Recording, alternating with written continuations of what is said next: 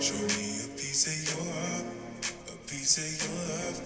I'm calling you up to getting down, down, down. The way that we touch is never Hej och hjärtligt välkomna till Radio Ekenäs, din farled i etern. Här är vi inte rädda för att ta diskussionerna styrbord, så jag hoppas att ni hänger med oss på en timme ungefär med riktigt bra samtal.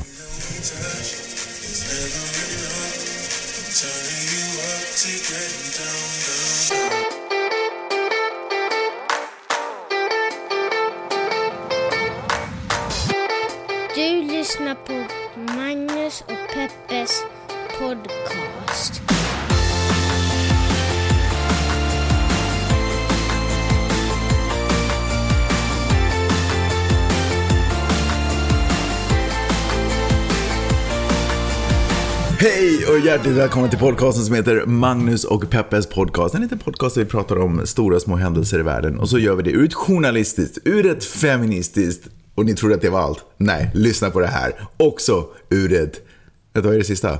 Mediaperspektiv, eller? Mediegranskande. Mediegranskande Perspektiv, säger du. Åh herregud, åh herregud. Vi har varit borta alldeles för länge. Jag känner mig typ ringrostig. Hur gör man när man gör podd, Peppe? Ingen aning, Peppe, Magnus. vad är grundpelarna i att göra en podd? Att vara lite förberedd, Magnus. Jag var lite förberedd, att talet ska flyta, att allt ska kännas bra. Hörni, jag är i alla fall sjukt glad att vara tillbaka. Har du saknat podden? Jag saknar podden varje Mm. dag. Jag får så mycket kärlek för den också. Jag blir så glad när folk hör av sig och säger att de lyssnar på den och att det väcker tankar hos dem. Okej, får du, får vi, vad får vi för sorts feedback? Jag, jag får ingen feedback på podden. Men folk säger nästan bara snälla saker. Är det sant? Vad roligt. Ja. Fan vad kul att ni lyssnar, vad roligt att ni är med oss. Ni får ju också, alltså det är ju asroligt när ni mejlar in för att ni har reagerat på någonting som vi har sagt. Eller du vet, ni kanske har egna, vad tycker ni om det här? Grejen Mm. till exempel. Det är bara att mejla in magnuspeppe gmail.com magnuspeppe gmail.com Hör du, vi befinner oss just nu i Raseborg. Mm, här på min mammas sommarställe. Mhm. Sitter och blickar ut över lite skärgård. Svärgård. Svärgård. Skärgård menar jag. Och eh, det är ju fint och varmt och eh, nej, men det är den perfekta sommardagen idag. Ja, jag älskar när man funderar på att idag tänkte jag googla på hur man får bort vass. Tänkte du det? Ja, idag tänkte jag att jag skulle googla. Jag tänker på så här roliga, det har jag märkt, det är så här skillnaden på att vara i jobbmode. Alltså, granted att man jobbar lite hela tiden, men ändå så här på riktigt vara i jobbmode, som när man är när man är hemma. Vardagsmode, vardagsjobbmode. Och när man är lite på så här semesterjobbmode. Det, då, det, det är lite vad jag googlar på. Annars är det förstås det är väldigt mycket sådär, ja, dels förbereda inför podden och Ja, titta inte på mig sådär. Jag förbereder också inför podden ibland. Jag har till exempel berättat eh, odödliga eh, berättelser om hur det var förr i tiden. På, i, Du är som gubbe. Ja, okej, okay, skitsamma. Eh, eh, men när man är på semester då är det ju sådär, hur, eh, hur googlar jag typ, ja men okej, hur byter man glödlampa? Men, men typ några sådana saker. Eller hur installerar man en tvättmaskin? eller hur, hur får man bort vass? Eller vad kostar det att transportera sand? Och sådana grejer. Sådana saker googlar jag på. Ja, men det är inte därför vi är här. Eh, vi har ju en podd att göra också. Då gör vi den. Vi var på sommarteater häromdagen. Oj, Raseborgs teater. Ja, och jag, för jag tycker att våra barn måste få i sig lite finlandssvensk kultur. Alltså vi är här så sällan och när vi är här Jaha, man vänta, det, pressa- specifikt finlandssvensk kultur. Ja, men jag är ju finlandssvensk. Det jag stämmer. Att jag har inte så jättemycket att göra med den finska kulturen. Nej, men inte jag kultur generellt. Nej, men all sorts kultur. Vi kan gå på teater också i Sverige och i USA. Men när vi är här så passar vi på att, att ge dem lite kultur. Mhm. Och uh, då gick vi och såg Peter Pan Mm. på Raseborgs sommarteater. Och, Eller Peter Pan som du gärna säger. Nej, men du har sagt att man inte får säga Peter Pan, så jag säger Peter Pan. Bra. Pan. Pan. Det säger så också när du ska säga panflöjt. Eller prata om det mytologiska djuret pan. Panflöjt. Panflöjt. Panflöjt heter det väl? Okej, kan vi släppa det här nu? I alla fall, gick vi på den. Det var en... eh, Alltså sommarteater är ju amatörteater, så man eh, så kanske inte förväntar Duh. sig att det är... Nej men alltså, man går in där och med liksom rätt attityd menar jag. Mm. Och det var massa jätteduktiga barn på scenen. Mm. Och eh, det var fint väder, nästan lite för fint väder. Och eh, mycket folk och allt var underbart.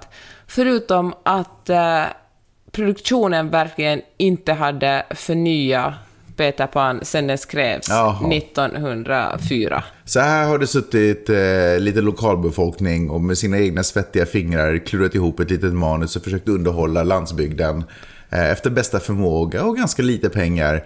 Men eh, berätta nu vad, vad du har lärt dig, snappat upp från stora världen.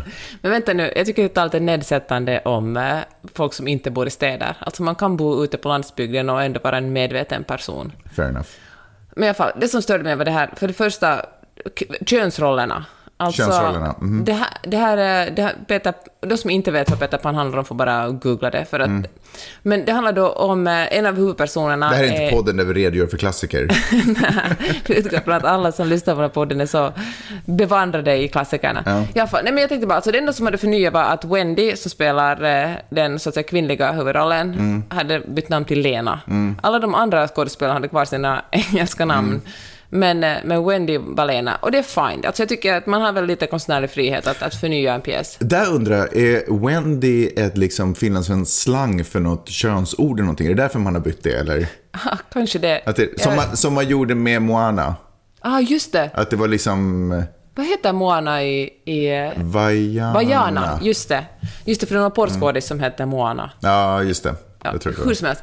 I alla fall, men jag, alltså det här att, att, att en tonårig tjej, alltså, ett, praktiskt taget barn själv, hon ska bli mamma åt en massa barn som bara är några år yngre än hon själv, och det är det hon drömmer om. Det är liksom hennes, hennes, det hon helst av allt vill är att åka tillbaka till landet ingenstans och bli en mamma och koka gröt och lägga barn. För någon måste ta hand om den där stackars borttappade Ja, barnen. och det måste vara en tonåring liksom. Var är papporna då? Just det. Och, eh, och fan, det är en gammal... Men jag tänker att, speciellt eftersom det satt så mycket barn i publiken, skulle det inte vara lite fräscht att förnya det här? Tänk Just man, det, att det eh, inte var Lena slash Wendy utan det istället var Joppe. Eller... Exakt, som Lars. vill vara en pappa. Just det, för de här borttappade barnen. Eller byta liksom... Tänk om Peter Pan skulle vara en, en, eh, en tjej som inte vill växa upp och vara duktig och ta hand om människor och liksom så bara ha det kul. det Just skulle vara ganska fräscht. Okej, men det hade man... Jag förstår, då tänker man kanske så här att nej men... Då känner kommer- man inte igen berättelsen, det är ju en annan story då. Eller är det? Jag vet faktiskt inte. Men ja, det var ju bara, det är bara ett förslag. Fine. För, alltså, könsroller tycker tydligen man inte var så viktigt i den här produktionen. Fine. Men det som jag verkligen blev lite chockerad var att det fanns liksom ett inslag av en grupp, en liksom indianer. Alltså en, folk som hade klätt ut sig till så här nidbilder av ursprungsbefolkningen i USA. Som nog förekommer både i boken och i Disney-versionen som jag tänker har varit den stora förlagen för den här produktionen. Sant. Men Disney-versionen och boken är liksom, har ganska många år på nacken. Det var på den tiden när Och man... skiljer sig ganska stort ifrån varandra också. när man inte visste bättre. Och så här är det liksom. Tiden har förändrats. Det som var okej Mm. i början på 1900-talet är på många håll inte okej längre. Jag menar, på den här tiden fick kvinnor inte ens rösta. Nej. Och jag menar, det var okej, slavhandeln höll visserligen inte på, men Jim Crow-lagarna i USA var aktiva. Alltså man, jag menar, det var, det var en annan tid då, När, när är Peter Pan skriven? 1904. Just det, så det var ändå före nazismen. Men tänk om den här äh, familj, Wendys familj då, eller Lenas familj. Ja, om familjen det, Darling. Ja, om det egentligen hade varit familjen Günther och de hade varit uttalade liksom, nazister. Hade, Undrar om man hade bibehållit den. Man bara, nej, vi måste hålla kvar klassikern. ja, exakt. Men, eh, och det är så konstigt. För, Wendy vill inte ta på sig mammarollen därför att det också fanns svarta barn. Ja, precis, för hon tycker att de inte ska få Ja. existera. Ja, men precis. Var liksom drar man gränsen vad som är okej och inte okej? Och jag fattar att, eh, jag, förstår det här, Folk, jag skrev om det här på min blogg också och då var det någon som blev otroligt eh, kränkt och skrev att nu avföljer hon min blogg. Oj. Jag förstår, det här är fortfarande ett eh, känsligt ämne, för det finns en massa människor som tycker att när de var barn så fick man använda n-ordet, och när de var barn så då lekte man polis och indianer och de var barn, och varför ska man inte få göra det längre? Men så här är det med livet, alltså vi lär oss mer saker, vi förstår att det finns vissa grupper som är förtryckta, man ser liksom, till exempel i, i, Finland och Sverige använder vi inte ordet lappar längre, utan vi använder samer. Man säger inte eskimoer längre, vi säger inuiter, alltså det finns en massa ord som är förlegade och jag förstår att, att när man kanske på, var ung på 50-talet så då var det okej att använda dem, eller för då visste man inte bättre. Det var inte okej att vara rasistisk då heller, men då hade man helt enkelt inte den informationen. Sen dess har vi lärt oss mer och förstår mer av världen och förstår att också ursprungsbefolkningen ska respekteras. Och eh, att... Och det är ju inte ovanligt att man i kulturella sammanhang, eller just teater, gör nya uppsättningar som är moderniserade. Därför att man försöker bibehålla kärnan, nämligen hur är det att bli vuxen, att gå från barndom till vuxen. Och det är ju skrämmande, eh, liksom. Eh, och på sätt och vis en påtvingad process, vad det innebär. Det kan vi ju diskutera, det är ju fortfarande kärnan, eller en stor del av kärnan i boken. Liksom. Eh, nej, så absolut. Men det där är ju också just det här med att folk, man blir upprörd över att jaha, nu får man inte säga så längre. Det är ju också ett cherry picking. För det är inte så att man, det är inte så att det alltid har varit så som den personen heller tycker, utan den har ju också vuxit upp i en tid där vissa saker var okej och andra saker har slutat vara okej. Precis. Till exempel, man får inte längre ha slavar om man hade bott i USA. Nej, så nej. det har också upphört. Det är inte så att man bara, jaha, får man inte ha slavar nu mer? Jaha, det är så. Alltså, det, så det är ändå ett cherry picking från sin egen tid. Så det handlar egentligen bara om en ovilja att lära sig nya saker. Ja, det är det det i grund och botten handlar om. Tänker jag. Ja. Och att tro liksom att, att när man själv på något sätt lärde sig någonting, att det är då som tiden slutar. Då har man som något pikat i all utveckling. Efter det så finns det ingenting. Världen kan inte gå vidare från det. Och får jag också säga att jag tycker inte nödvändigtvis att det var fel av Raseborgs teater att göra den här uppsättningen. Men det här var ju en möjlighet. En möjlighet för Raseborgs teater att lyfta upp historien och göra den. Eftersom man ändå har liksom knappt med resurser tänker jag och med möjligheter. Så man kan ju ändå inte göra en fullständig kopia av det ursprungliga verket, ens i teaterform. Så här har man ju då möjlighet att vara kreativ och laborera och försöka skapa någonting nytt och hitta essensen i berättelsen. Förstår du vad jag menar? Jag förstår verkligen. Så det, är ju, det är ju egentligen lite bara, det är ju nästan lite oinspirerande bara. Att man har försökt duplicera någonting som man omöjligt kan duplicera. Ja. Ja, men jag håller med. Och sen känner jag verkligen, just i det här fallet, när de ska ha de här, absolut de här indianerna inom stationstecken med, de, de, de tillförde inte ens någonting. Alltså det fanns ingen... Det, det Ja, var du så fastnade de- verkligen vid indiangrejen. Nej, men jag tycker det, alltså det var så tydligt. Jag kan tala om jättemånga andra saker, men jag tycker att just indiangrejen var så... Det var en så liksom... Det var så tydligt att det var förlegat. Mm. Det, var, det var det var ett ord som... Det var som att ha eskimoer på scenen. Eller att ha... Jag kommer ihåg på 90-talet fanns det... Mm. Eller att det var en grupp utvecklingsstörda och så pratar man om det på det sättet. Ja, men precis. Mm. Ja, jag menar bara att ehm, det, speciellt med barn i publiken så kanske det... Jag, men, jag tänker att man kanske inte ens behöver ta in någon slags konsult för att förstå de här sakerna. Jag fattar, jag kommer... Nu är jag här och otroligt Otacksam. woke och otacksam och uppskattar inte kultur. Och jag, jag förstår att många som har varit i den här produktionen känner att fan, knappast lyssnar någon på den här podden, men att jag pissar på den och det vill jag verkligen inte göra. Jag tycker det var fan vad roligt med teater och vad duktiga de barnen var. Men fanns det ingen vuxen i produktionen som tyckte att det skar lite illa med de här inslagen av eh, förlegade könsroller och eh, indianer? Jag tänker att det är en resursfråga. Att det är bara svårt att få tid och... De har inte råd med dagstidningar och internet. Nej men, det är väl inte så enkelt. Alltså, jag tror att man, man, är så, man är så uppslukad i att vilja sätta upp någonting och skapa någonting, kunna bidra med rolighet. Alltså så här, kul inslag och en tradition och inte fan vet jag. Att man liksom inte riktigt hinner... Ja, Fast är inte det också... Ja, men jag, Ja, men precis som du sa, alltså, det var ju väldigt mycket bra, vad heter det, alltså duktig, sko- duktigt skådespeleri, bra sång, bra musik, alltså massa sådana saker. Eh, men så var det just de här kanske små detaljerna som var lite så här, oh, come on man. Ja. Det din 2021 recension. bro. Kriget mot covid fortsätter i världen. Här så, där vi befinner oss har nästan de flesta kan man väl säga har väl fått den första spruta, känns det som. Eller? Jag är ute och cyklar, det känns så. Åtminstone alla som jag pratar med.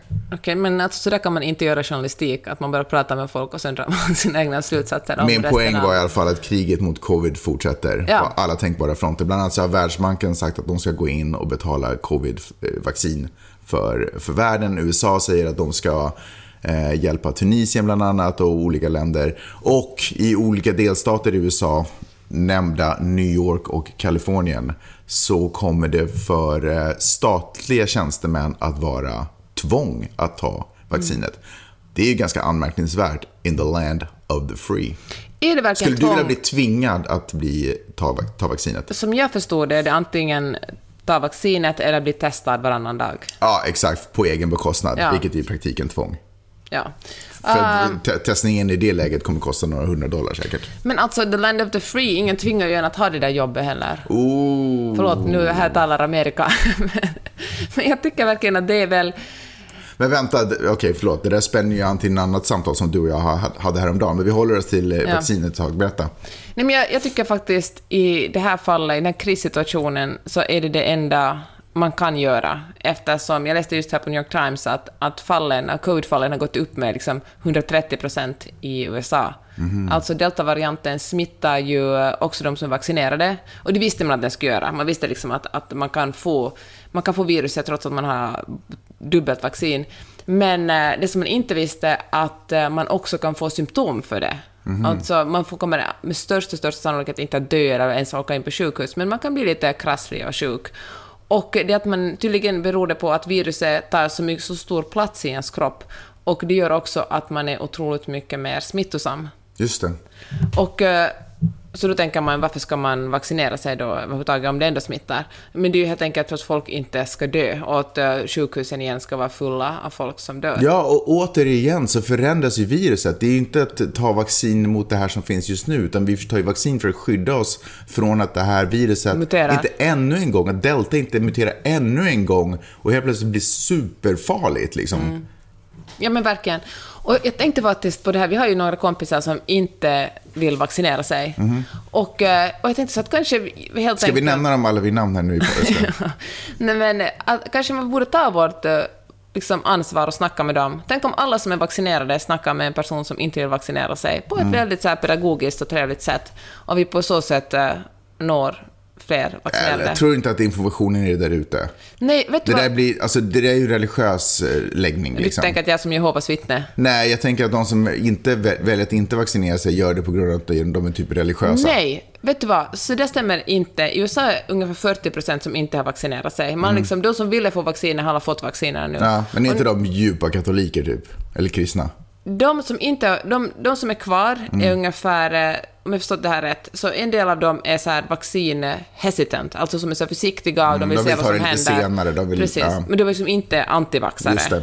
Så är det sådana som inte helt enkelt haft tillgång eller liksom ansträngt sig för att få det, som bor jättelångt borta eller som tycker att det, det nu är inte högt på det, högst på deras Nej, de prioriteringslista. träffar ändå ingen. Nej, men precis.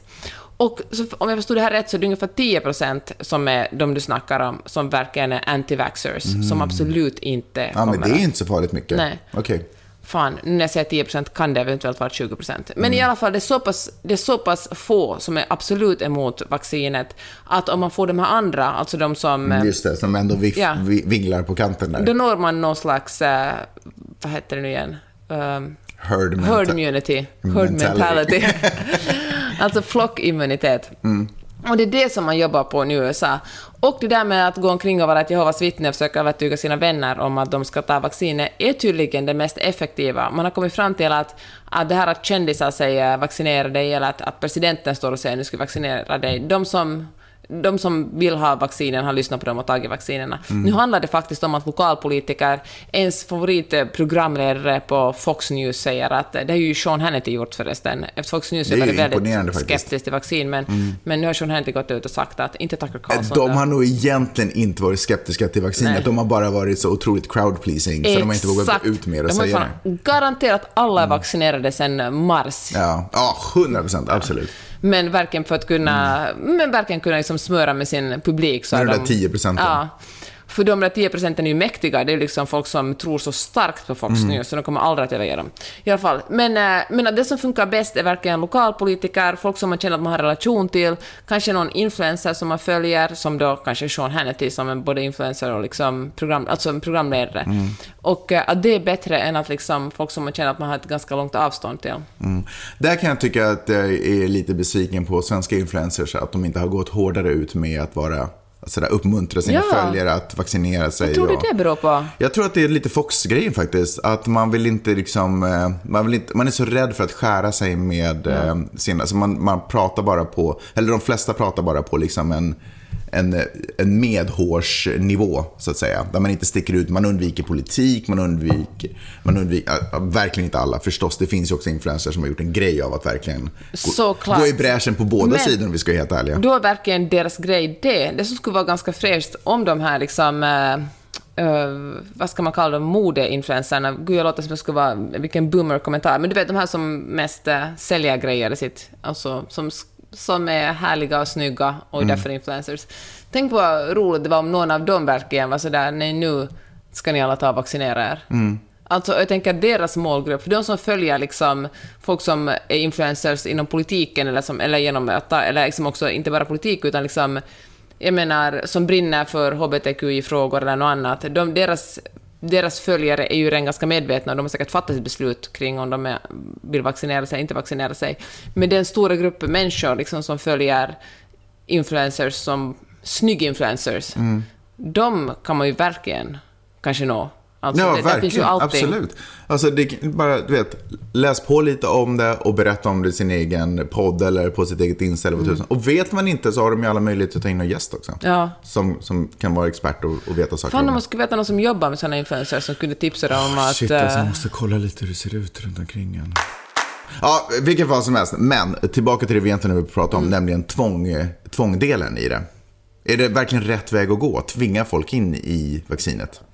Men vet du vad, så här känner jag att eh, om... eh, det är ju, för det första är det ju det är ju ingen som... Man vill- det kommer inte att binda fast någon att köra upp en spruta i dem. Nej, men som sagt, du, så, precis som du sa så man, kan man ju tvinga genom att också göra livet outhärdligt för andra människor. Men jag tänker att om det handlar om liv och död, då är det väl ändå helt rimligt att säga att... eh, Så där som barn i Vidde skola måste de vaccinera för att gå i den skolan. Mm. Och då kan man säga, det här tvång eller inte... Ja, alltså sådana här regler har vi. Nej, du har fel Peppe. Det, här, det är absolut helt feg, fel, feg väg att gå. Egentligen så tycker jag att det är beklagligt för om, om regeringar runt omkring i världen hade fokat mer på eh, skola och se till att liksom verkligen fostra folk till att bli goda medborgare som är intresserade av sin omvärld, då hade vi inte haft det här problemet Men vad är det där för jävla argument? Alltså det är väl klart att jag inte kan argumentera emot det. Vad ska jag säga? Jag tycker det är bra att folk har dålig utbildning. Det är ju en helt annan sak vi Nej, snackar nej, om. men jag bara menar att man har ju lagt upp ribban för vad vi är nu, men nu är det för sent. Nu kan man inte tvinga folk, därför att så ser inte vårt samhälle ut. Vi, vi, eller så ser inte den delen av världen vi lever i ut. Vi tvingar inte folk att göra Vadå? saker och ting. Vi Alltså- hoppas att folk har, har, har liksom, är vettiga och kloka och insiktsfulla, att de fattar de rätta besluten själva. Får inte köra bil full. Det, vad är men det? det är tvång att det vara, det är nej, tvång att vara nykter. Du får inte... du måste ha den där säkerhetsbältet. det är väl en helt annan sak. Det är ju Det lagar. finns ju vissa regler som vi har för att skydda varandra. Och då är till exempel att inte köra full en sån. Jo, men precis. Men då borde det ha funnits en, en lag för länge sedan som säger att uppstår en pandemi med ett farligt virus, då är det lag på att alla måste ta. Men, det, det finns, ju inte, men därför det- att vi har inte de... Men vänta lite, det är ju ingen lag. Alltså det här handlar ju inte om alla människor i Kalifornien och New York, utan det här handlar om folk som jobbar på en myndighet. Jo, jo, jo. Jo, jo, absolut. Så därför så kan man inte ha den lagen. Och, det, och därför kan du inte jämställa den med att man måste ha körkort för att köra bil. Det är, det är ju två olika Jag saker. tycker det är helt samma sak. Måste skydda, när jag sa att inte vara full när man kör bil, det handlar ju om Det är inte direkt så att att bara skydda folk som jobbar människor. inom myndigheter måste ha körkort när de kör bil. Nej, men in the land of the free har man ju rätt att sätta sina egna regler som arbetsgivare. Alltså man kan bestämma om du, i vårt, på vårt företag... Men det här är inte ett privat företag, det här är ju en myndighet. Ja, men det är ännu viktigare att säga eftersom, till exempel att ha på äh, ansiktsskydd. Ja. Det är ju heller ingen lag som säger att man måste ha på ansiktsskydd. Men reglerna är Jo, sådana om du går in till en myndighet. Jo, det finns ingen lag. Men det är ju en Ja, lag. men så, då får ja. en myndighet ha, då är det liksom en, förstår du, det finns, visst finns det ju restriktioner, det kanske inte står i grundlagen, men man kan ju liksom fatta, göra restriktioner som för att skydda folk. Mm. Jag menar, jag tycker verkligen inte det är någonting, det är väl helt, det är väl självklart. Man kan ju också vara ett företag som säger, på vårt företag, äh, vad fan, jag vet inte, sitter, är vi på kontoret, du som inte vill komma på jobb så kan tyvärr inte jobba här för att eh, det här är de reglerna vi har på vårt kontor. På vårt kontor så går vi inte nakna. Mm. Men Det är ju inte att liksom förbjuda någon, alltså, förstår du? Jag är inte helt samma sak att få någonting injicerat i sin, i sin egen kropp än att vad man bestämmer på sig för kläder. Men däremot så tycker jag, för precis som du, som du sa där, så tycker jag att det man skulle kunna göra istället för att tvinga alla att eh, ta vaccin är att man skulle kunna ge folk möjlighet som inte vill ta vaccinet, ja, men då får du jobba hemifrån. Det är möjligt det finns säkert, men, eh, ja, men då får vi bara agree to disagree. Jag tycker inte att det är rätt. Jag tycker inte att det, för det är också ett preju, prejudikat för andra företag. Åh, om de gör så, det är därför de gör det, för att signalera att det här, är, det här kan vara okej att göra. att tvinga sina varför är du emot att folk ska vaccinera Nej, sig? jag är absolut inte emot att folk ska vaccinera sig, men jag är, jag är ju emot att folk tvingas vaccinera sig. Jag är ju för att folk ska förstå varför de vaccinerar sig och vilja vaccinera sig. Det är jag för. Det, den vägen vill jag gå. Men jag är inte, de, alltså att om någon blir tvingad att vaccinera sig, då har man ju liksom, det är ju nästan en kränkning av den personens... Men liksom, ingen blir tvingad. Du kan ta ett annat jobb, du kan välja att testa dig. Det finns ju andra alternativ.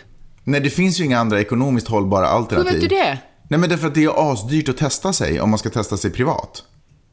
Du kanske har en sjukförsäkring som, som kanske, vad fan vet jag, kanske Kalifornien Fast erbjuder vet, vi har- sjukförsäkring där det... Nej, men vi, vi, vi, du vet ju det här, därför att vi har ju pratat med en kompis som jobbar i en annan bransch där ungefär samma regler kommer börja insättas, eller sättas in. Eh, alltså tv-branschen. Och han sa ju att, han menar att på hans jobb kommer man förmodligen just göra så att det är inget tvång, men du, du fixar test och det står inte vår, det täcker inte vår försäkring. Mm. Ja, men vad ska jag säga? Jag håller verkligen inte med dig. Jag tycker det är en bra sak att folk vaccinerar sig och jag tycker att det är en bra sak att... eh, Jag ty- tycker inte att New det är bra att kuva folk. Men man... Ja, men vet du vad, just nu befinner vi oss i en pandemi och folk dör faktiskt av det. Och som du säger kan den här, den här liksom virusen mutera och det blir ännu farligare för oss alla. Så det är inte bara, handlar inte bara om dig själv, det här är liksom inget individuellt va- val. Nej, Utan det det är handlar därför om jag att det är skydda så andra människor också. Absolut, men det är därför jag tycker det är så otroligt beklagligt att folk inte känner det själva. Utan att man måste komma liksom med militären för att Det få kan folk jag att göra hålla saker. med om. Fast jag håller inte med om att militären gör det, men jag håller med om det. är ju klart det är beklagligt att folk inte... Att folk har en så svag tilltro till myndigheter och Mm. till äktenskap, Det är ju jättesorgligt och att det är så politiserat. Men, eh, men jag tycker att det är, ens, eh, det är ju helt självklart det är ens plikt att skydda andra människor från att dö om man kan göra det. Får- Får jag säga en annan sak också? För att, okej, nu är det, det är en pandemi, absolut. Och, och massvis, massvis med människor världen över har ju dött i det här viruset. Eh, men om man nu börjar sätta, liksom, som en ny standard, eller börjar introducera att företag kan tvinga folk att göra saker.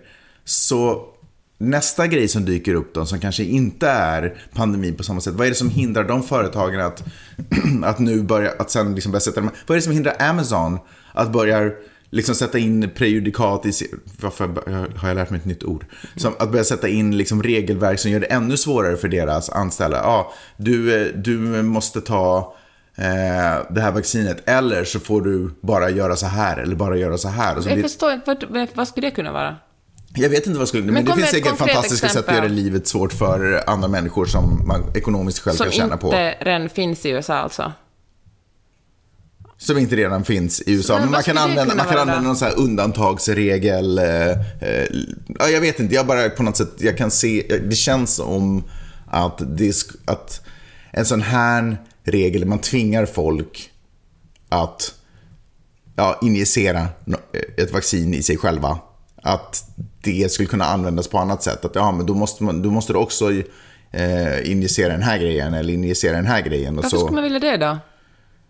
Fan vet jag. Det, Men alltså, det, man kan ju göra en sån här, man kan göra en undantagsregel. Man kan ju säga så här att eh, på grund av att vi lever i en pandemi och om du vill jobba för oss för att skydda varandra så har vi bestämt oss för att vara vaccinerad. Så som man säger, som sagt, och som jag sa redan i, i skolor, du måste, ditt barn måste vara vaccinerat för att kunna gå i den här skolan.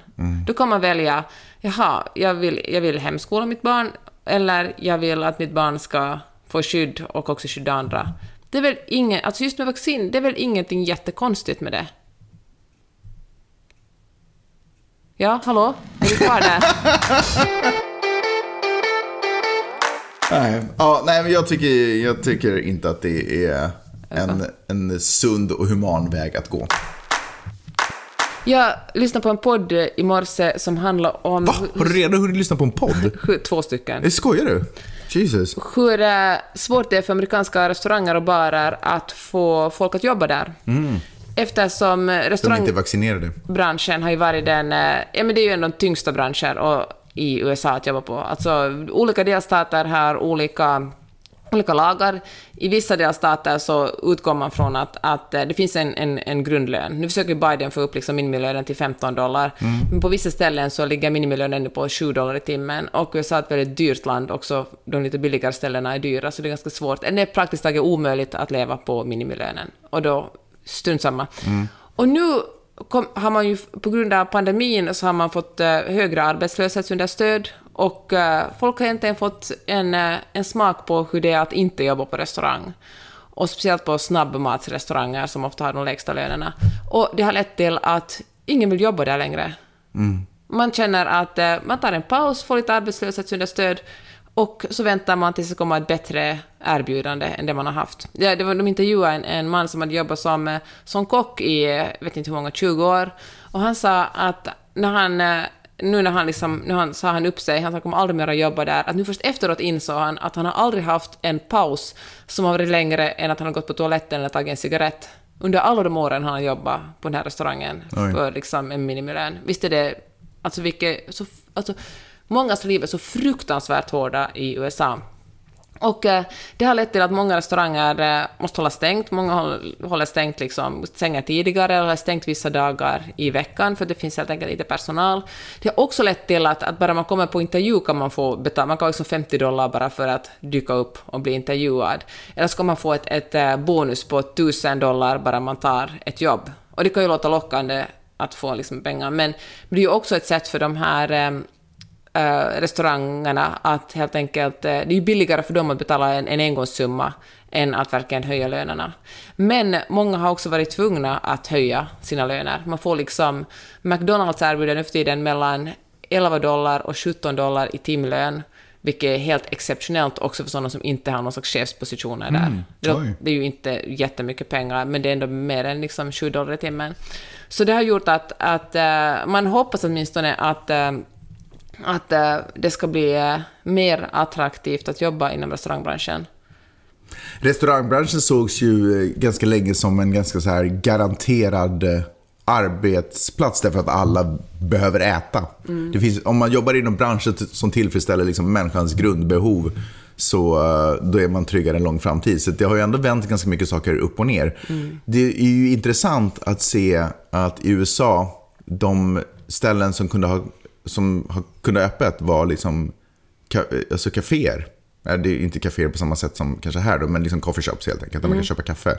Därför att det ansågs vara liksom en essential, eh, vad den heter. Alltså någonting som människan har liksom rätt i, som, måste, som är en av de sista sakerna. Alltså restauranger stängde före coffee shops. Ja, du menar att, det var liksom ambulansförare, det Ja, var brevbärare och det var folk som jobbade på Och, kaféer? och matvarubutiker Ja. förstås. Och så var det kaféer som Ja, fick... faktiskt, Alltså vår coffee shop var ju öppen hela tiden. Ja. Sen att man inte kunde gå in i den, fine. Men det var ändå liksom, man fick kaffe sant. därifrån.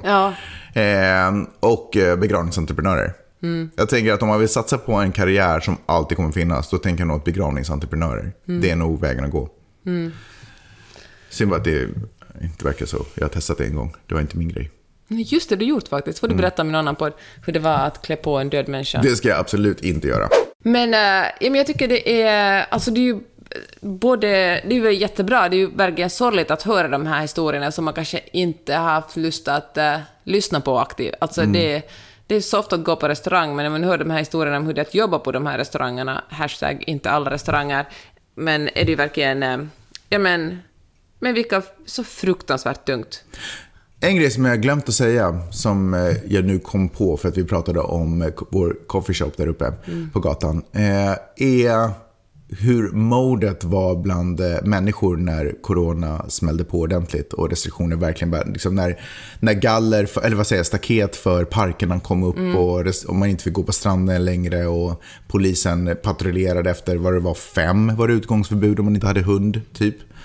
Eller kissibrott. Nej, jag ska bara. Nej, men eh, var det inte typ fem? Eller var det sex? Ja, det var, var, det nu, åtta? nu tänker du på Black Lives Matter Jaha, demonstrationerna. fast var det inte... Okej, skitsamma. Men det jag har tänkt att berätta typ i ett år, men som jag inte tror att jag har fått ur mig, är den... eh, Ett litet ögonblick av gemenskap som uppstod på vår gata. Jag kommer ihåg Alltså ett liksom, talande exempel för detta var en morgon när jag skulle gå upp och ta min kopp kaffe. Och då var det någon som hade lagt in 50 dollar där, liksom på kredit, för alla att komma upp och bara få en kopp kaffe. Du vet, livet suger just nu. Folk kanske inte kan gå till sina jobb. Man visste inte läget. Barnen hade kastats hem från skolan. Allting var lite upp och ner. Det, det, liksom, det nya systemet, den nya världen hade inte börjat rulla. I, Eller så att säga, om du menar. Covid-världen hade inte börjat rulla än. Så att allting var liksom upp i luften. Vi visste inte om barnen skulle gå tillbaka till skolan. Vi visste inte under vilka former. Vi visste ingenting. Liksom. Sen skulle det visa sig att de inte skulle gå tillbaka på typ ett år. Men eh, allting var kaos och det var liksom deppigt och folk var arga också. Trump fanns fortfarande. alltså, just så det var det. mycket frustration och konstighet, eller dålig vibe i luften. Eh, Och då var det någon som bara för att sådär, göra folks liv lite bättre hade lagt in en kredit så att alla kunde få en. Eller alla förstås inte, men eh, Men gjorde inte du det också då?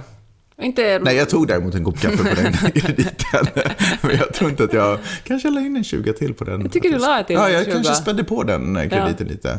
Eh, men jag tycker att det, det var ett litet ögonblick av eh, folk ser varandra och Ja. det lilla, alltså fan, ett av de rikaste områdena i hela USA. Så det är ingen boho-historia på något sätt om hur jobbigt det var. Men eh, det var ändå ett litet ögonblick av att jag ser dig. Community liksom. Community. Det är ju någonting som när jag bott i Sverige och i Finland har avskytt. Just att man ska gruppera sig ihop med andra människor för att man tillhör en demografi, man tillhör ett kön, man tillhör en livssituation, man tillhör ett kvarter. Avskyr sådana saker. Städdagar och allt sånt. Finns det ett sätt för mig att Palko hatar du alltså. Nej, inte bland vänner. Det Mm. är en helt annan sak. Det är den enda demografigruppen jag kan tänka mig göra någonting för. Men just det där, ja du är pappa, alltså gå på de här kurserna. Mm. Okej. Ja, du är, du jobbar inom det här. Ja, Mm. häng med de här människorna då. Gå på den här mässan. Man bara, "Ugh." det är synd, för man skulle lära sig otroligt mycket av att göra det. Eller? Ja, men jag tror nog att det finns väldigt mycket att, att hämta. att folk inte umgås för mycket med folk som är exakt likadana, eller för, som de själva. Ja, men det måste jag ändå säga att det har kanske USA ändrat mig lite. Jag gillar den här community-känslan och att det, trots att det är ett kallt och hårt land och eh, folk i vissa branscher och vissa skeden i livet garanterat kliver över varandras lik för att nå dit de ska eller vill. Eh, Så går jag ändå omkring med känslan av att om någonting händer mig så kommer det komma fram människor och stötta mig och hjälpa mig. Och, Vet du vad, det är faktiskt intressant. Inte ta hand om mig resten av mitt liv, men liksom ändå sådär, ge mig en liten knuff uppåt. Ja. Nej men det stämmer för att eh, när man, eh, jag kommer ihåg när vi nu bodde i Finland och man såg på USA så tyckte man att, eh, eller min uppfattning om det var att alla är bara ytliga. När folk säger hur Och det är också du? sant, det är det som jag tycker är fascinerande, att allting som man säger om USA är sant där. Och det, att folk liksom verkligen absolut inte menar det. Tack för att du avbröt mig igen. Men eh, jag märkte att det här för mycket kvinnoröst i den här podden. Nej men, men eh, och det, det, okej, fine, det är sant, det bor liksom 330 miljoner människor där allt man säger är sant och falskt. Men jag var positivt överraskad över att folk som bjöd hem en verkligen bjöd hem en. Alltså våra kompisar kom och hälsade på oss till Stockholm från Los Angeles och liksom allt som ja, men vilka djupa vänskapsband vi har liksom fått med folk som bor där. Och liksom, som du sa, communityn på vår gata och i det huset vi bor, hur folk verkligen håller ett öga på varandra och, och tar hand om varandra. Att det där liksom, eh, att eh, det bara är finländare som är genuina eftersom de bara säger någonting och verkligen har någonting att säga. Fan, kanske det stämmer, men det går att vara genuin också när man är glad och snäll och trevlig mot någon. Det går också verkligen mena det. Mm. Det var en granne faktiskt som textade och var så här, Woho, är ni tillbaka i stan? Vill du komma upp? Jag sitter på restaurangen uppe, kom upp och ta, ett glas med mig. Så jag sa nej, jag är i Finland. Han bara, ah, jaha, för jag såg att din bil, att, liksom att, någon, att den inte var där. Och det är ju för att de som lånar vår lägenhet har använt bilen en, en sekund. Men du vet att folk ändå ser och håller lite koll och ja, Ja, nej men det är fint. Flyttar posten från postlådan så att den inte ska stjälas eller vad det Ja. kan vara. Liksom. Nej, inte posten förstås, men paket som man får. Men jag tänker också att, att eh, när man gör snälla saker och är lite trevlig mot eh, andra människor så är det ju inte... Gud, nu låter jag verkligen otroligt präktig, men låt mig säga det här, sen slutar jag Ja. otrevlig igen. Nej, men jag tror att man mår bra av det. Man blir glad själv när man är, gör något snällt mot någon annan. Så jag tror att det är smart att Mm. bygga något slags community. Ja, det, vilket fantastiskt land, Peppe. Vilket fantastiskt land. Jag skojar bara. Nej, alla fattar att det finns mycket skit där också. Eh, men jag gillar att det inte är så homogent. Jag kan tycka att det finns en trygghet i att våra länder här är homogena på sitt sätt. Att det, det är förstås, det ser ju annorlunda ut i Norrland vad det gör i Skåne. Men jag menar, i, det, i den staden man lever i så ser alla ganska lika ut, skulle jag ändå våga påstå. Eh, Eh, för det finns ju en trygghet i det också. Och det är lätt att förhålla sig till världen då. Så att du tycker att det finns något skönt i det och någonting lite zen i det. Men de morgnar man vaknar upp och bara ah, nu ska jag sträcka på mig, då finns inte det utrymmet. Så det får man ju liksom göra avkall på. Och det kan jag tycka är lite ledsamt. Om ni förstår metaforen. Eh, vi går vidare. Jag skulle tala om miljardärer i luften. Nej, ännu mer, miljardärer i rymden. Och, eh, Luften här var roligare, för då såg jag framför mig en jättestor jonglerare. va? Som på något sätt var på cirkus, så hade han massa så här...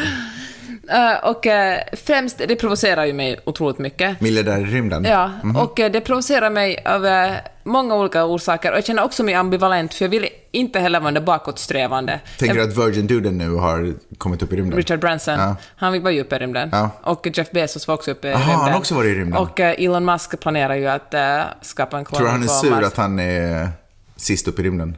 Fan, de är alla sist upp i rymden. De fan, människan var uppe i rymden på 60-talet. Ja, ja, men som individer, du förstår vad jag menar. Det var individer uppe i rymden på jag- har 60-talet. du, du och jag har inte varit. Influencers i rymden, är det du menar?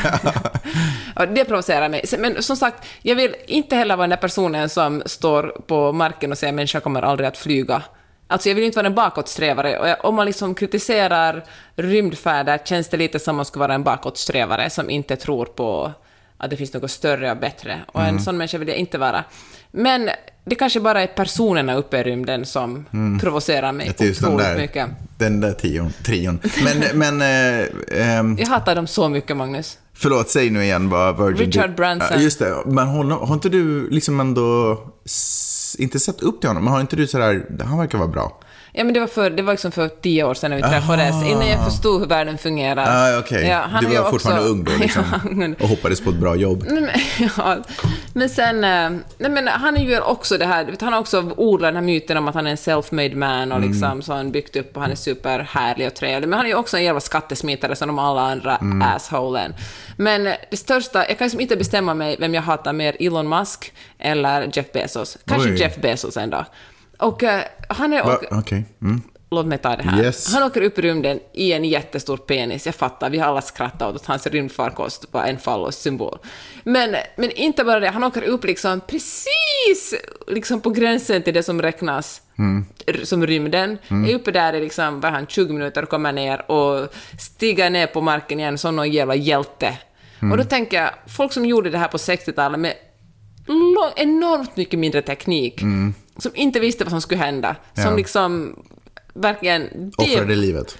offrade livet och för mänskligheten. Och Här- f- några har ju också dött i den uppfärden. Inte just den specifika, men i andra som hunden Laika till exempel då. Nej, men alltså det var ju en, någon Apollo har jag för mig, som, eh, eller Voyager, som exploderade. Ja, det var lite senare. Och, men, och Jeff Bezos, han gör det ju bara för att kunna tjäna pengar på rymdturism. Och så stiger han ner i den där jävla cowboyhatten och eh, som någon slags jävla hjälte, som han skulle ha gjort någonting fint.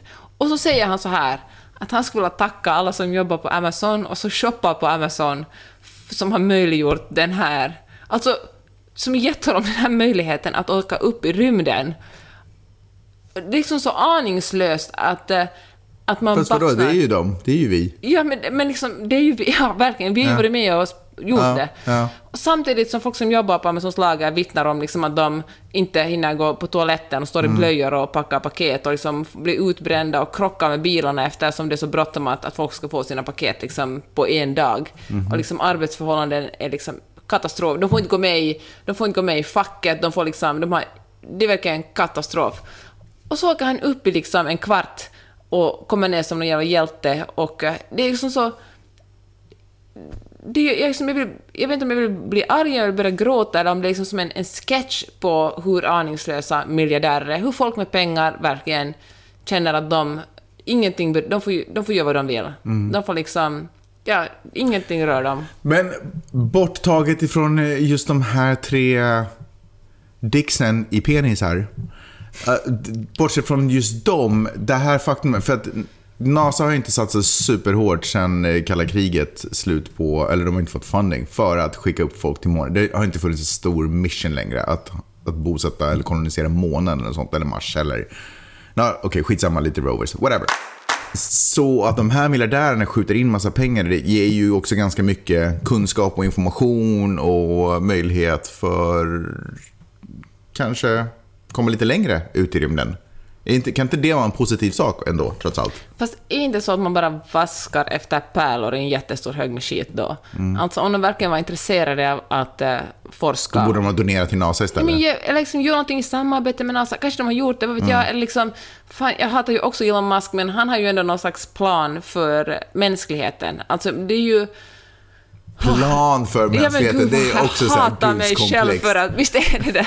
Alltså bara att jag uttalar den meningen, jag känner ett sånt självförakt. Men alltså att kolonisera Mars, jag tänker att vi kommer ändå att förstöra den här planeten och så, vi, det här, Kalifornien har brunnit upp Fast ungefär i augusti om- när vi kommer tillbaka och då är det dags att dra till Mars. Alltså han vill ju ändå ha någon slags alternativ och det kan man väl ändå jag kan inte säga att jag är på något sätt imponerad av hans... eh, Att, att bygga någonting på Mars gjorde man, drömde man väl om liksom redan i- början, liksom, på 50-talet. 50-talet. Men precis, det är väl inget... Elon Musk har ju inte kommit på en enda originell idé själv heller. Elbilen är ju faktiskt heller ingenting som han Nej. hittar på. Jag Nej, menar, nej, det måste man säga att ju, han, han har ju bara tillräckligt mycket pengar för att lansera idéer som hans och sen liksom få folk att tro att han hittar på dem. Mm. Men, men det, det är ändå någon slags vision. Jag menar, Jeff Bezos, att eh, det enda han vill göra är att tjäna pengar på att folk ska turista uppe i rymden. Och det finns väl tillräckligt många fordon på marken redan. Alltså, är rymdturism verkligen någonting som mänskligheten behöver? Jag tror att mitt problem är kanske just det du sätter fingret på, nämligen att, eller typ sätter fingret på, nämligen så här att fine att de kommer bidra väldigt mycket med teknik, men någonstans känner jag att deras ambition är ändå inte riktigt för mänsklighetens bästa. Det här är liksom deras egna, de, de står ju bara och håller på och masturberar. Liksom. Det är ju Ja. det, är det enda de gör. Till sin egen och allting de lite kommer röra vid. Fast precis som du, Elon Musk verkar inte vara sjukt sympatisk och verkar vara de facto helt vidrig.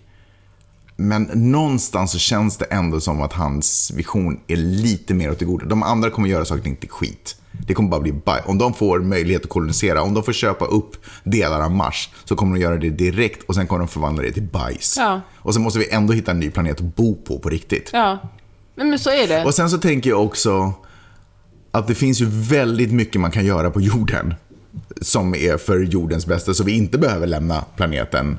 Och då kanske man skulle kunna använda alla de här miljontals miljarderna, eller hur mycket de nu har investerat i de här rymdprojekten, till att liksom köpa upp all Amazonas skog eller någonting för att skydda den. Inte fan vet jag, eller liksom rädda saker som finns att rädda. Ja. Fan, jag hatar att hålla med dig, men jag håller faktiskt med dig.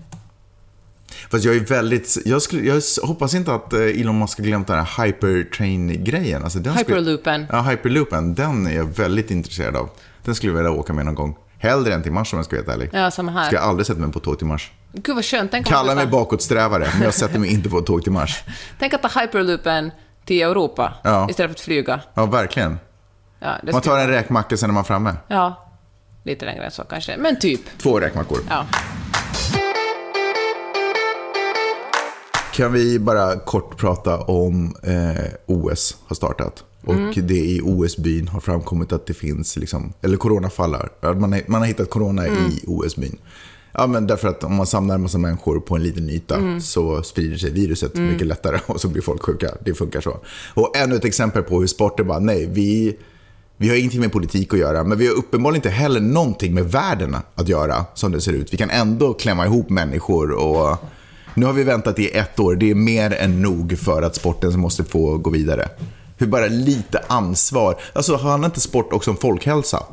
Är det inte liksom en av anledningarna till att man till exempel i Sverige uppmuntrar friluftsliv och, och sporter? Att, för att det, Ja, det har med folkhälsan att göra.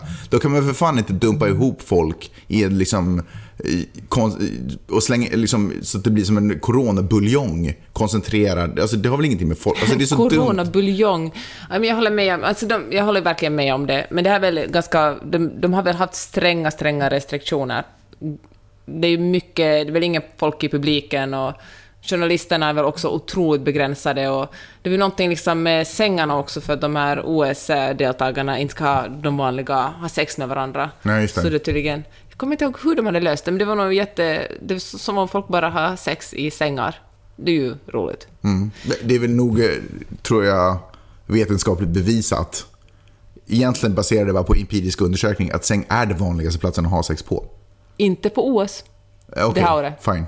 Men, ja, sen skulle jag inte, jag skulle inte jag, det är inte så att jag inte uppmuntrar OS-deltagare att ha sex. Eh, för det är ju ett jättebra sätt att göra nya OS-deltagare på. Det är verkligen ett genialiskt sätt. Faktiskt. Man har en liten OS-befolkning bara som på något sätt skapar sig själva.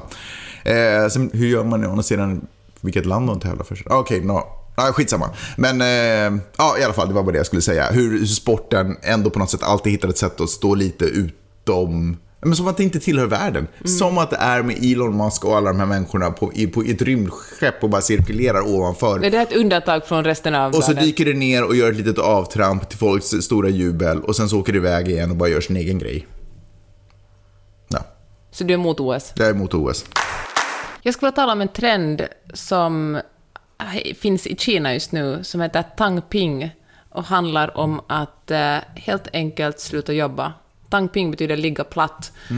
Och det är folk som är trötta med är trötta på att hetsa framåt i livet, ha liksom orimligt långa arbetsdagar, aldrig ha semester och bara bara jobba, jobba, jobba, jobba, jobba, jobba. Och, liksom hela, och det är ju det ganska mycket det amerikanska systemet också, att man lever för jobbet. Man har liksom en eller två veckors semester och ibland liksom kanske någon lång helg och sen jobbar man.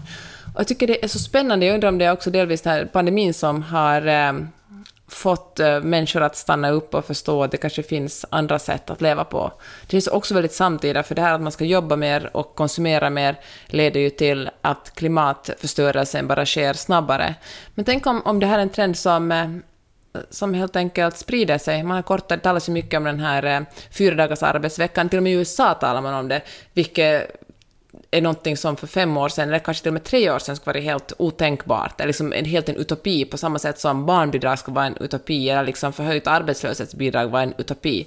Och, eh, och jag tänker att tänk om det här är någon slags, eh, någon slags trend världen igenom. Att folk bara säger stopp, nu eh, måste trycka på paus, liksom, mitt liv ska handla om något annat Fast är att... inte det en övre medelklass-trend? Alltså jag får äckelkänslor när jag själv hör mig säga att jag ska förvalta den här pandemin på ett sätt att finna mig själv och lite ta ner tempo och kolla vad som är viktigt för mig själv. Det är ju så här, det känns som ett medelklass, alltså egentligen västerländskt ursprungligen. Och vi älskar ju också att snappa upp trender från Orienten.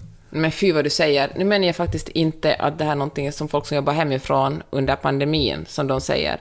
Utan jag menar helt enkelt att det här är en större rörelse som, om jag menar någonting, en rörelse i Kina handlar ju om enormt många människor. Jag bara menar att det finns massvis med människor som gärna skulle vilja ha, gå på yogaläger men som tyvärr tjänar 7 dollar i timmen som du till exempel pratade om. Ja, och just de människorna som jag talade om tidigare i podden har ju slutat jobba nu och ser över och kräver bättre arbetsförhållanden och bättre löner och det är också en del av den här pandemin. Ja, men förlåt, berätta Alltså, vidare. det är, jag, alltså nu försöker du få det här till att säga att jag tycker att pandemin är kanske en bra sak. Det säger jag verkligen absolut inte. Men jag tycker att det är jätteintressant när folk, när det händer någonting, när det sker en stor förändring i ens liv. Man flyttar, man skiljer sig, liksom någon i ens familj kanske dör. När det sker en stor förändring, då är det ofta lätt att ta till andra förändringar också. Då liksom bestämmer man sig för nej, från och med nu ska jag Bara äta glass. Precis. Eller börja springa, eller jag ska gå och lägga mig tidigt, eller jag ska, vad vet jag liksom. Men en förändring, det är lätt att göra andra förändringar, en stor förändring. Och den här pandemin säger man, vill om den, det är ju ändå en ganska stor förändring. Och jag tror att det har lett till att människor har sett över sina liv och funderat på vad som är viktigt. Då menar jag inte att, att vi som är så här övre medelklass mediepersoner står hemma och filosoferar, utan jag tror verkligen att folk som har haft närstående som har dött i pandemin verkligen känner att herregud, livet är verkligen ändligt. Det finns liksom, vad kan jag göra för att, eh, är det här så, är det här rätt? Och uppenbarligen tänker man på, jag vet inte hur stor den här trenden är, men liksom i Kina blir det här, vad det nu heter, det här le- ligga platt-trenden liksom breder ut sig. Folk säger att det här är det här är inte så jag vill leva. Och det här går ju helt emot liksom, den kinesiska kommunistiska statens eh, ideologi. Där ska ju alla människor bidra till att göra Kina ännu större och bättre och rikare. Och jag tycker också det är en intressant protest gentemot det här systemet. Alltså jag undrar att håller Kina på att bli mindre kommunistiskt. Kina är ju en konstig liksom, variant av kommunistiskt och kapitalistiskt. Liksom. Det är ju jättespännande och jag är absolut ingen expert på det, jag ska gärna lära mig mer om det. Men, eh, men eh, ja, jag tycker att det är superintressant. Jag tycker att det är superintressant. Eh, alla nya fenomen är förstås intressanta. Men jag, känner ändå att sådär, ja, och när det kommer hit så då betyder det redan någonting annat. Eh, för att vi tar ju till oss det vi kan ta till oss av, eh, av andra religioner och filosofier och, och levnadssätt. Så vi liksom applicerar dem bara på våra liv. Och jag tycker ändå att det är här så känner jag att det, det är väldigt lätt att det blir en liten klick som kan njuta av de här nya och spännande inslagen. Eh, för att det är inte så att vi i samband med att vi börjar jobba mindre och fokusera mer på oss själva ändå vill, också vill ha mindre saker, utan då är det ju bara någon annan som måste göra allting. Så Är det, det blir väl- ju ändå... Fast nu kanske du talar Och vi är ju lite... fortfarande inte intresserade av att betala mer för det som vi redan har. Eh, Så det är ju, ja, så att jag bara känner att vi, det här kommer, leder bara till att vi utnyttjar andra människor. Vi är ju inte redo att göra någonting för att till exempel miljön ska bli bättre. Vi pratar om det. Men fan, det är ju det som folk gör. Folk eh, åker tåg istället för att flyga. Folk köper second hand enormt mycket mer än förut. Folk Men, eh, äter vegetariskt mer än Men om jag inte missminner mig så går ändå liksom eh, de här växthusgaserna upp blir bara mer och mer och mer. Alltså så att någonting I gör vi ju i andra ändan Ja, tydligen som också- motverkar allting. Det gör vi, men jag tänker det ena, alltså jag menar, folk ska alla bara... Ja, men- sant. Jag tror att det gäller såklart inte alla. En trend handlar ju inte om att alla gör på exakt samma sätt. Folk gör olika. Men jag tänker för att en trend ska bli, slu- bli stor handlar det om att nå- det måste börja någonstans och få det rullning och, och jag vet inte vem det är. Det kanske är liksom någon som måste... Ja, någonstans måste ju börja. Och jag tror att... att eh, varför in... Ja, ja, men fine. Alltså, Alltså- Om, lägg dig platt. Jag vill se. Du ka- kastar första stenen. Ehm, ja. Jag, jag tycker bara det är spännande, för jag tänker att så har det också varit, alltså Japan i mycket mindre, som ändå har varit långt före pandemin väldigt sträng med liksom, man jobbar enormt mycket och liksom väldigt så här konservativt hur kvinnor ska vara och män ska vara. Där fanns, jag kommer inte ihåg vad det fenomenet hette, men liksom unga människor som helt enkelt vägrar att gå ut ur sina rum eftersom de inte vill, som bara bor flera år i sina rum och typ deras mammor hämtar mat till dem till dörren, för att de inte står ut med att leva ett sånt här liv. Och jag tänker, det, det är kanske de som är de, de som börjar själva den här trenden. Vet du, det är de som är liksom de, the original, ligga platt. Berätta vad det liksom innebär konkret. Att folk inte går till jobbet eller vad innebär Folk det? säger helt enkelt väljer att, att leva på mycket mindre. De säger att jag vill inte jobba så här. Men flyttar de ut i skogen, är det det liksom? Eller vad? Nej, de, alltså jag antar att det är olika. Den här personen som, som de talar med, granted, hon jobbar på någon kinesisk myndighet och hon sa att hon bara vill inte, hon vill bara liksom dra ner sina livs, eh, alltså sina kostnader så mycket som möjligt och försöka leva utan att, utan att Så att jobba. de ska kunna jobba så lite som möjligt. Ja. Liksom. Mm. Och, eh, och jag tänker så att det här är kanske också en trend som kanske inte kommer att slå igenom just i Norden eftersom vi har långa... Folk jobbar min, mycket mindre här än i Kina och USA. Mm. Folk har jättelånga semestrar, folk jobbar inte lika mycket övertid, folk är liksom... Det, det är liksom lugnare här än på många andra håll. I Island har man också infört sex dagars vecka för myndighetspersoner också. Eller, Sex dagars vecka, det låter otroligt jobbigt. förlåt, eh, fem dagars vecka blir det givetvis. Ja. Nej, förlåt, fyra dagars vecka. Sex timmars dagar försöker jag Ja. säga. Bra att vi kom fram till det. Ja, men jag menar liksom att, att eh, så jag tänker att den här trenden kanske inte är lika akut här som på andra håll där ens liv verkligen har handlat om att för att kunna överleva måste man gå på jobbet och hitta... Och i USA har det gjorts möjligt just på grund av att, att man kan få lite barnbidrag och lite få... Man behöver kanske inte ha två jobb nu för att, om man är liksom arbetarklass efter, för att det finns liksom stöd att få från staten. Så jag tycker att, eh, att eh, kanske... Ja, vad vet Men du jag? känner dig uppenbarligen berörd av den här, vad heter det på kinesiska? Tang Ping. Du känner dig uppenbarligen berörd av den här Tang Ping-rörelsen. Vad- te- Hur tänker du applicera det i ditt liv? Ja, men jag tänker att, att det i grund och botten handlar det om att konsumera mindre och uh, vara ledig lite mer. Om Konsumera kan- mindre för att kunna jobba mindre, eller hur? Det är väl det som är grunden. Ja, eller kan... Ja.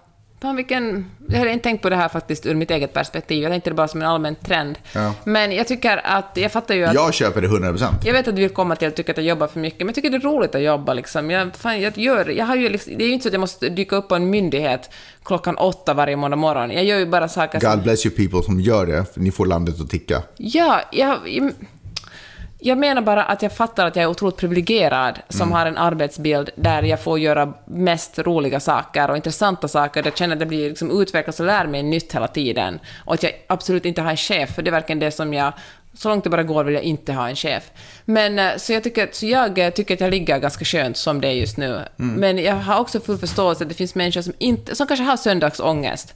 Och de unnar jag att, eh, om det, att som, om det finns alternativ är det ju fantastiskt. Om det finns en trend där liksom det är mer accepterat att leva på ett lite annorlunda sätt. Jag fattar, när man lever in i en norm är det jättesvårt att förstå att det går att leva på ett annat sätt. Då verkar allt annat konstigt och avvikande och liksom direkt onaturligt. Men så fort det finns någon som, ju fler människor som bryter en norm och visar att det kanske går att skapa ett samhälle på ett annat sätt, desto Alltså det är ju på, på så sätt vi utvecklas och liksom nya sätt att jobba på dyker upp. Men det fanns ju en tid när vi faktiskt jobbade sex dagars veckor. Alltså det är ju, när man bara hade ledigt på söndagarna, så gick man ner till liksom fem dagars vecka och nu kanske vi går ner till fyra dagars vecka. Det är ju, fan, det är ju otroligt fint. Det finns nya sätt att göra saker ting på. Hälsningar, Raseborgsteatern. Vi eh, hörs om en vecka igen. Det gör vi. Tack för att ni har Ha lyssnat. det så bra! Hej då! Hej!